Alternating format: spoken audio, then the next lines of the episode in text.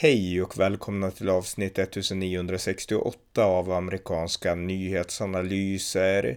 En konservativ podcast med mig, Ronny Berggren, som kan stödjas på swishnummer 070-30 28 95 0. Här följer en intervju gjord av min kollega John Gustafsson med Brian Riddle, budgetexpert som arbetat för den amerikanske senatorn Rob Portman och nu arbetar för tankesmedjan Manhattan Institute. Här berättar Brian Riddle om USAs enorma skuldkris och att orsaken till den vare sig är stöd till Ukraina eller till Israel utan USAs skenande välfärdsprogram som politikerna i båda partier helt blundar inför. Varmt välkomna! Okay, uh, Brian Riedl, uh, welcome to the podcast. Glad, glad to be here. Thank you so much. Uh, uh, so just to sort of reintroduce you, you've been on this podcast uh, before, but just to um, reintroduce you to listeners who may not um, have heard a podcast or may have uh, forgotten about it because it was a, a year or something from, uh, from now. Uh, you're uh, you're basically a budget guy. Yeah.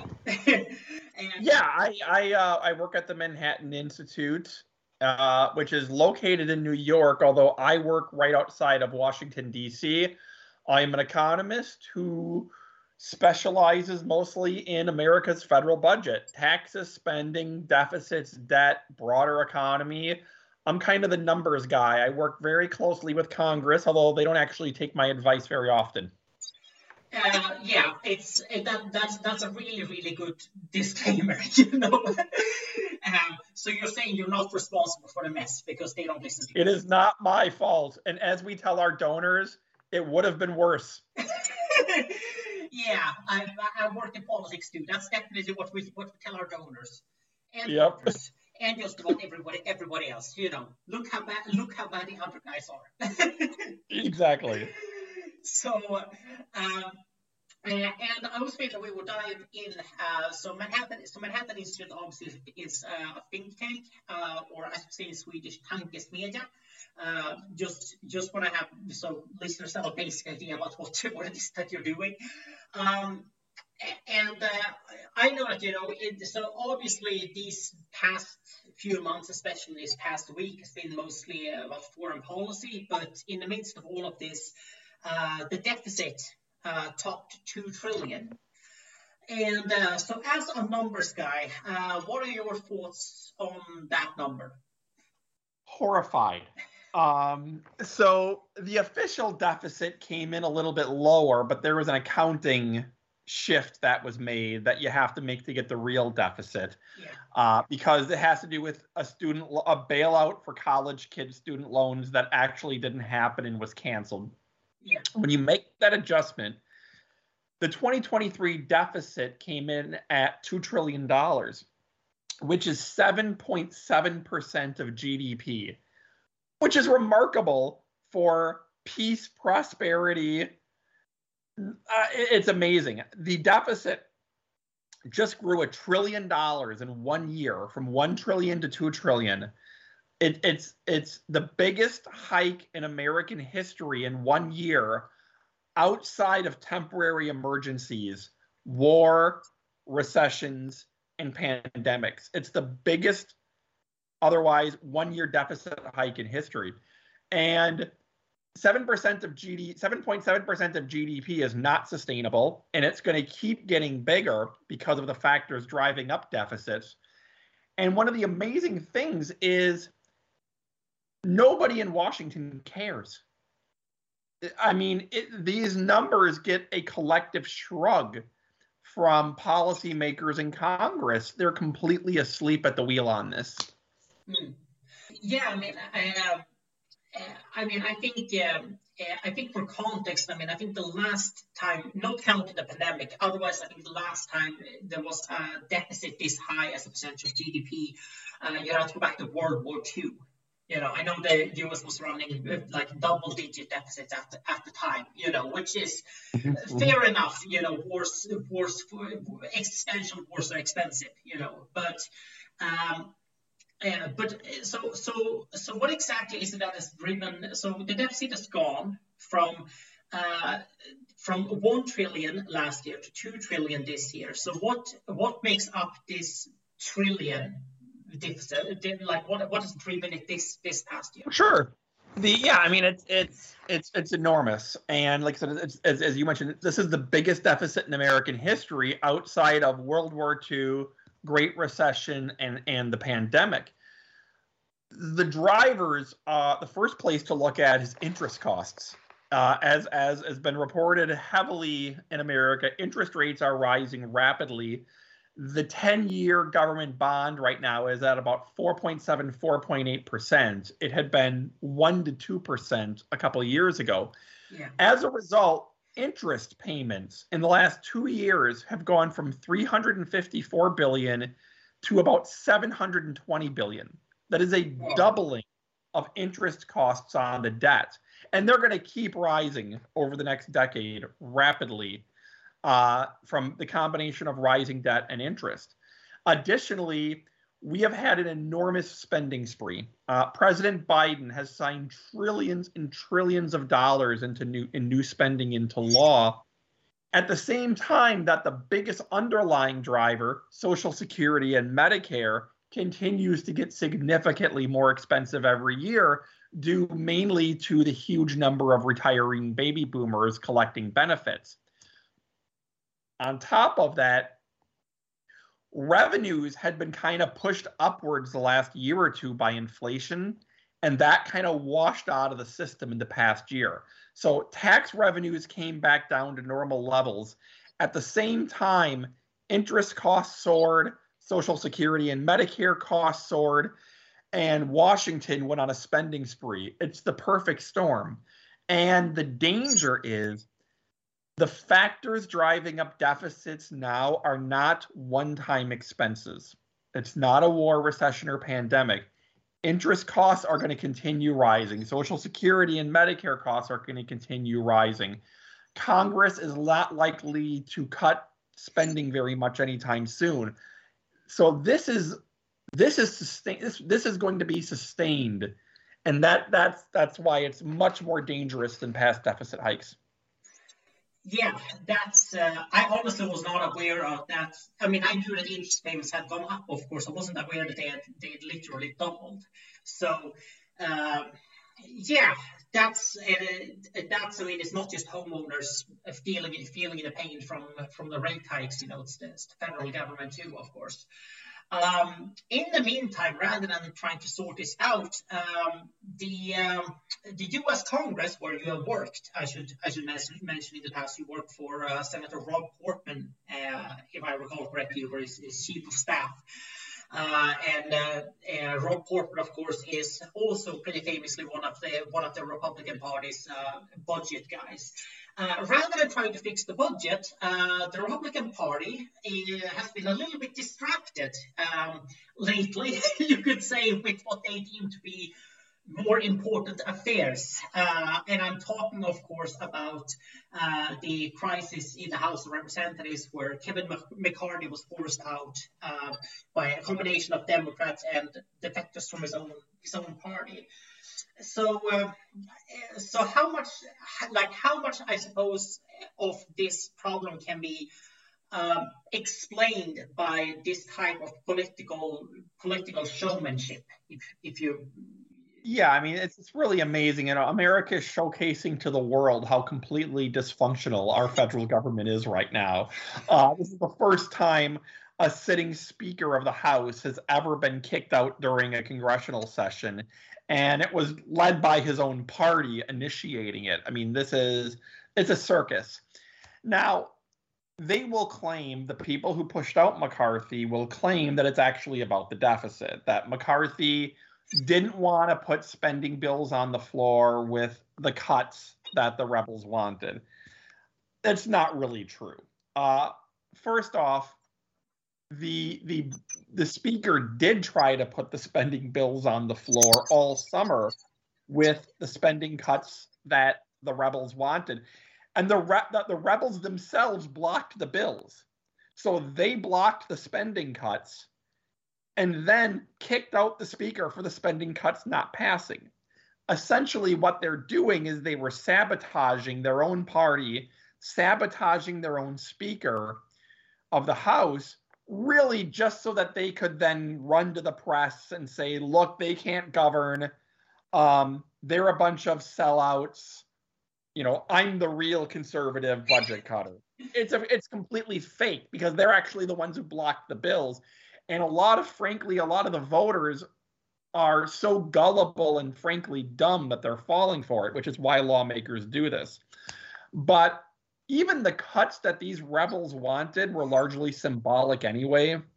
They weren't going to make much of a difference. But the budget fight at this point in Congress that got McCarthy kicked out is really a symbolic fight. It's not even about much money. It's nothing that would actually make much of a difference in the deficit. It's nothing that Senate Democrats would ever pass or President Biden would ever sign. It was more of an excuse for a bunch of rebels to go after the speaker that they have a personal vendetta with. And I wrote an article on this for the Dispatch, uh, which is an American publication that I know you've written for, where I said that really the Republicans just aren't serious about deficits. They talk about it but the actual bills they try to pass for the most part just make it worse. So they're not really serious about the deficit beyond just using it to complain about the other party. Yeah. Or about their own party. Yeah, frequently frequently about their own party. You know, that's uh yeah, that's that's um yeah, that's that, that's a that's a good point. And I think one of the things, and I mean, I'm, you know, that I'm totally in the camp the US should not be copying, trying to copy Scandinavia trying to copy Sweden.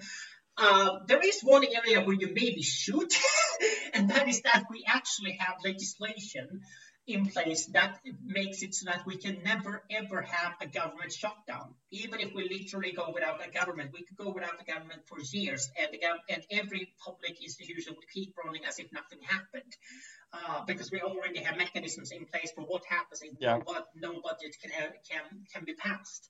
And we literally introduced these uh, these rules in the later half of the 1600s. You know, this is like, like we had, we had, we had a frame, we had a framework to prevent government government shutdowns before you guys were a country.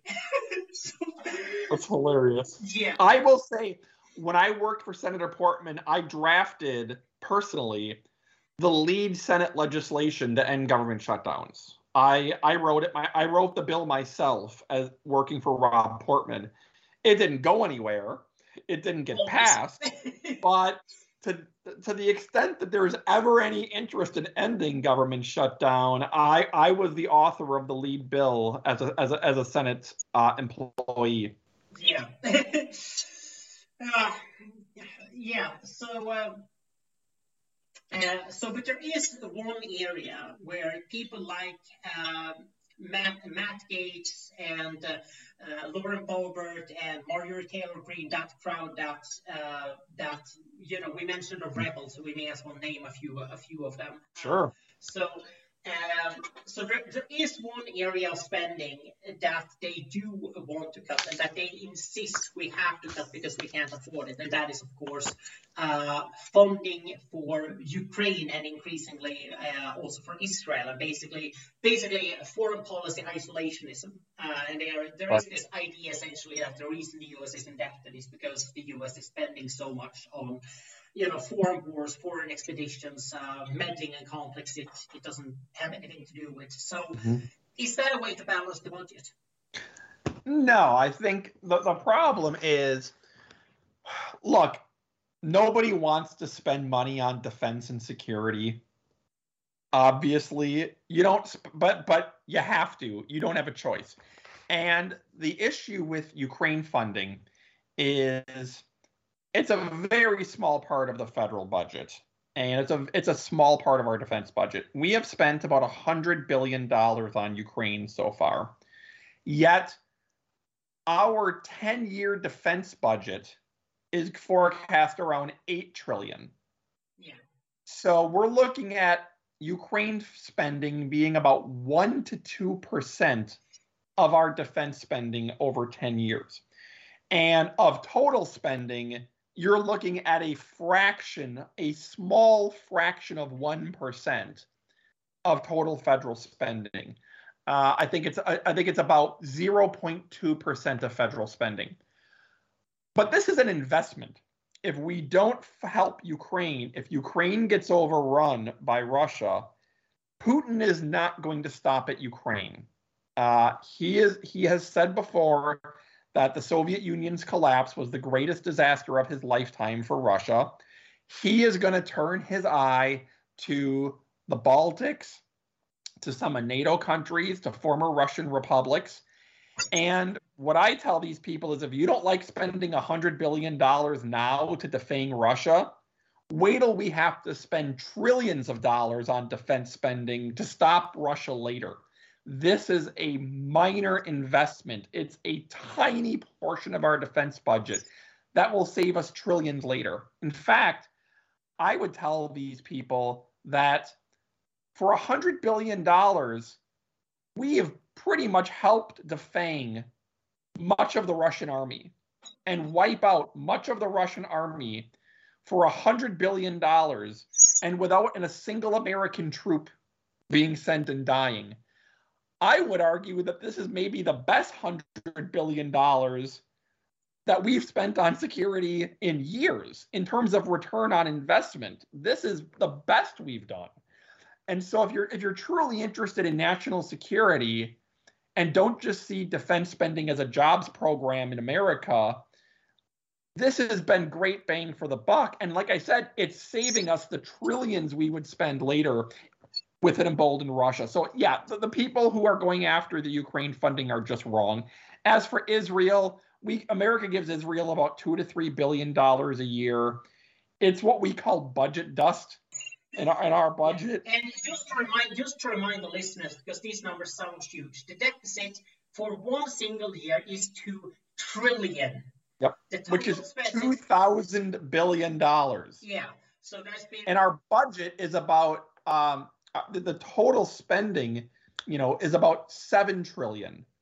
Uh, so yeah, I mean, like a so, billion or two. Yeah, so giving giving Israel uh, two or two or three, two or three, or even five five billion dollars, or giving Ukraine a hundred billion dollars when the deficit is uh, two thousand billion dollars. That's um, yeah, like I say, it's budget dust essentially.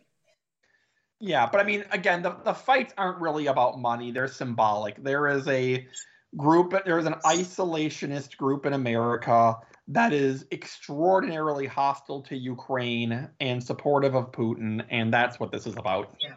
I also find it, find it interesting about uh, about Putin because uh, in the late 1980s, according to pretty much all sources, he was actually uh, he was not so fond of the Soviet Union at the time, you know, when in the KGB. There were, there were a lot of people in the KGB who were undermining the Soviet Union in the final years because they knew which way the wind was blowing. So they yeah. closed up to Yeltsin and the guys who were basically engineering the engineering the collapse. So and uh, so, I mean, Putin may be an ideologue, but he's also, first and foremost, he's an opportunist. You know, when he saw sure, the Soviet Empire was going down, he got close to Yel- he got close to Yeltsin. Then when Yeltsin uh, began to weaken in the late 1990s, he saw a chance to take the top spot for himself, basically.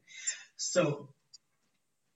Uh, so more than more than more than anything else, he's an he's an he's an opportunist, and right. and that's I think is the great tragedy is that if Putin had not seen an opportunity, you know, to get away with this, he wouldn't have have gone. He, he, he wouldn't have done it. You know, yes, he right. ideologically he thinks Ukraine should be Russia, but he wouldn't have done it if he thought that he could that he couldn't get away with it because ultimately uh, he's all he's all about he's, he's, all about power first. He he thought this he thought it was going to take that Kiev would fall in three days and that he could then move on to other other countries. Yeah. and with the help of a tough Ukrainian fighting force and a lot of outside help from other countries across Europe and America he's you know if, if, if nothing else we've slowed down his global ambitions. Yeah definitely definitely. And um, uh, and I also think I also think it's interesting because there is, um, I mean, of course, a lot of the distaste towards uh, towards foreign wars is because of the war on terror, And um, there is an idea, uh, of course, that is partially correct that the war on terror helped balloon uh, balloon deficits and helped grow the government debt. Um, but I also think it's I also think it's noteworthy that of the debt increase that has happened, you know, since the year 2000, it's been about 23 trillion or so mm-hmm. in the debt has gone from uh, 9, 9 trillion uh, around the time uh, uh, or, or, about seven, seven, seven, seven or eight or eight, seven, yeah. eight, nine trillion at the time at the time of the new millennium, and to about 30 to 33 trillion now. Correct me if I'm wrong. Uh, the total debt, yeah, the, the debt held by the public is, is, a little bit less, which is the number that I pay attention to as an economist. But for yeah. total debt, yes. Yeah. So uh, but the in, but the interesting thing, thing, is that even if you add up all the money spent on Afghanistan and Iraq, it's only about just over three trillion. So that's obviously right. it's a lot. But there was a lot of other spending going on in this in the same in the same time time period time period, and that's I think it's also something that most people don't understand really where where the deficit is coming. Is no, and furthermore, defense the defense but well first off yeah one of the things people do is when they when they add up the cost of the wars they also add in the cost of like afghanistan and cleaning up after 9-11 which was the part that really no american should have a problem with you know i think people can debate iraq but they kind of broaden out that way but the interesting thing in the united states is that defense spending right now is at its lowest share of the budget ever yeah. Uh, you know, under un, in the 60s, half of the federal budget was defense. By the 70s and 80s, it was about a quarter of the budget. Today, defense is only 12% of America's budget, which is really, I mean, notable. It's never been this low. And over the next couple decades, as other costs rise, defense is projected to fall to about 8% of total spending by, by the federal government.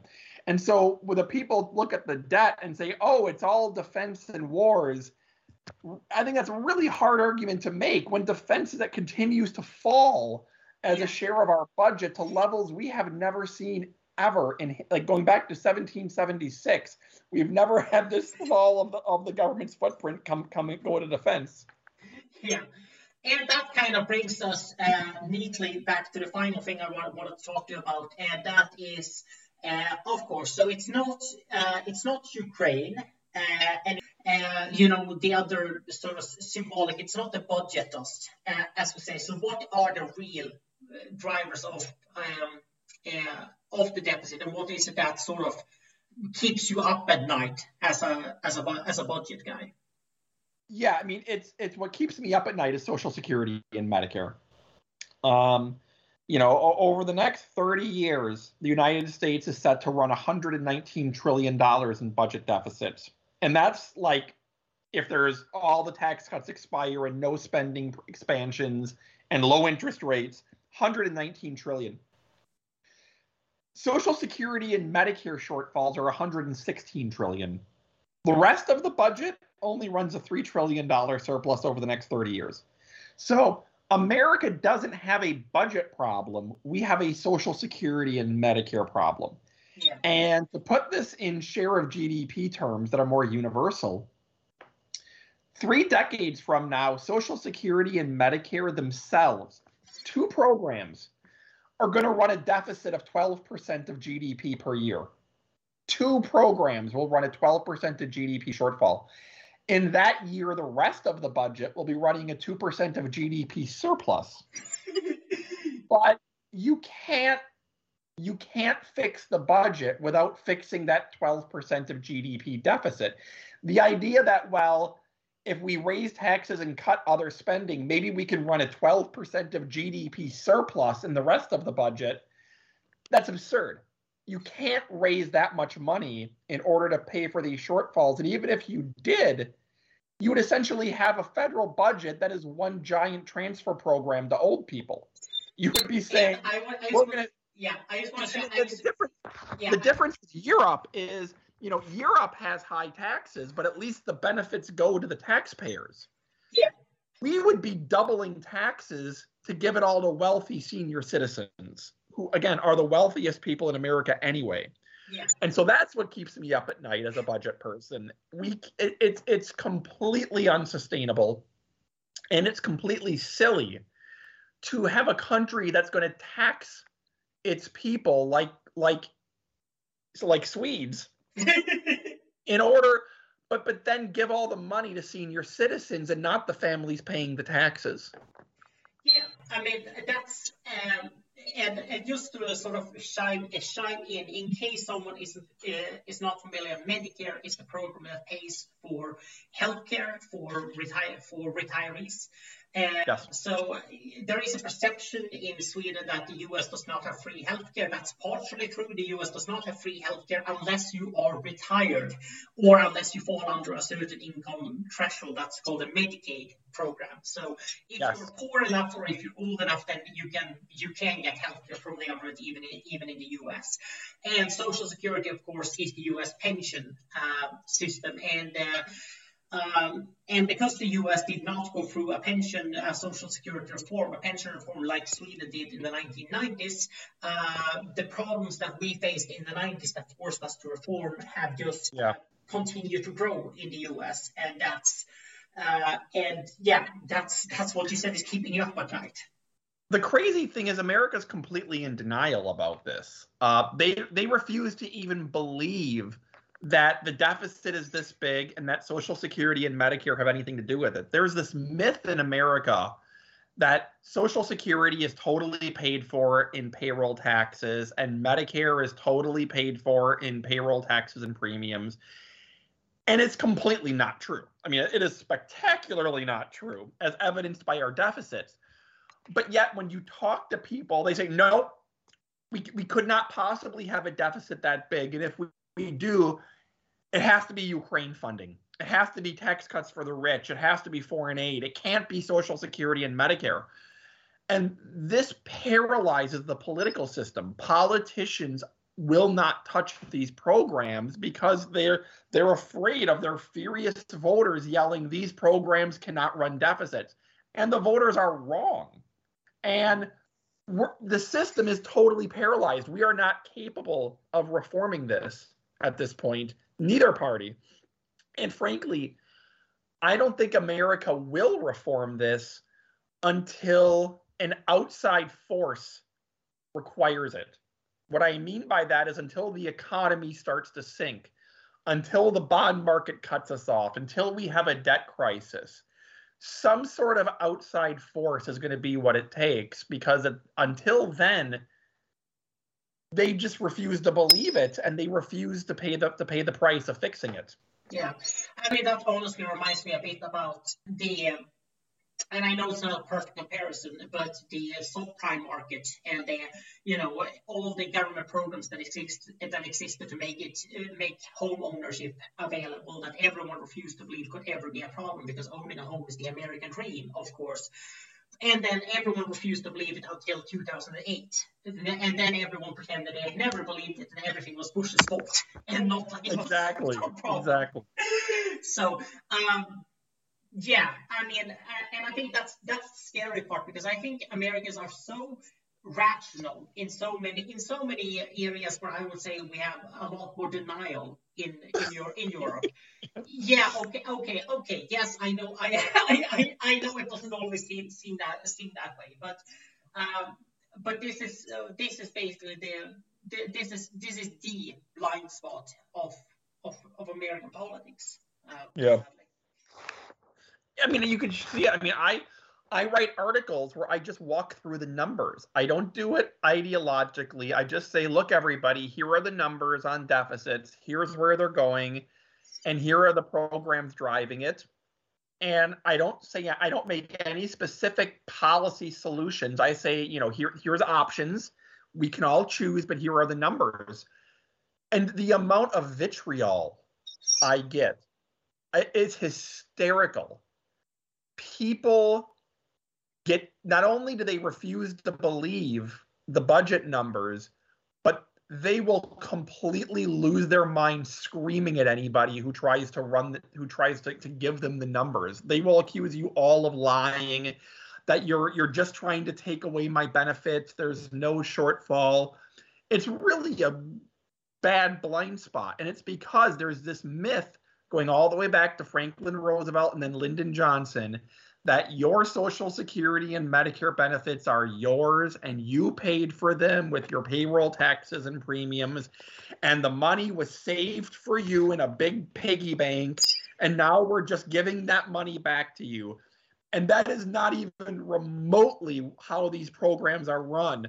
But you cannot convince people otherwise. Yeah. Um, anyway, I uh, I know we're just about uh, just about out of time, uh, but uh, but uh, thank you very much uh, for coming on again on the podcast. Always very nice, always very nice talk talk to you, and um, and and I think it's very I think it's very important also because this is something. Of course, we don't we hear a lot about the U.S. in the news, but we don't really follow internal budget stuff. So, yeah. Uh, so your your perspective is is, uh, is very appreciated. I, I, appreciate that. I can just say sum up by saying our budget situation is really, really bad, and it's going to get worse. And all of the and Europe is going to look at America and say, "Thank God we're not them." yeah, that's uh, and that's really saying something because things aren't great here either. things can always get worse and, and with that optimistic message, we're wrapping up this interview. Thank you, thank you very much, Brian. Thank you, John. Tack för att ni har lyssnat på amerikanska nyhetsanalyser, det konservativa alternativet i en vänsterliberal svensk mediemiljö som kan stödjas på swishnummer 070-30 28 95 0 eller via hemsidan på Paypal, Patreon eller bankkonto. Skänk också gärna en slant till valfri Ukraina-hjälp eller Israelinsamling. Allt gott tills nästa gång.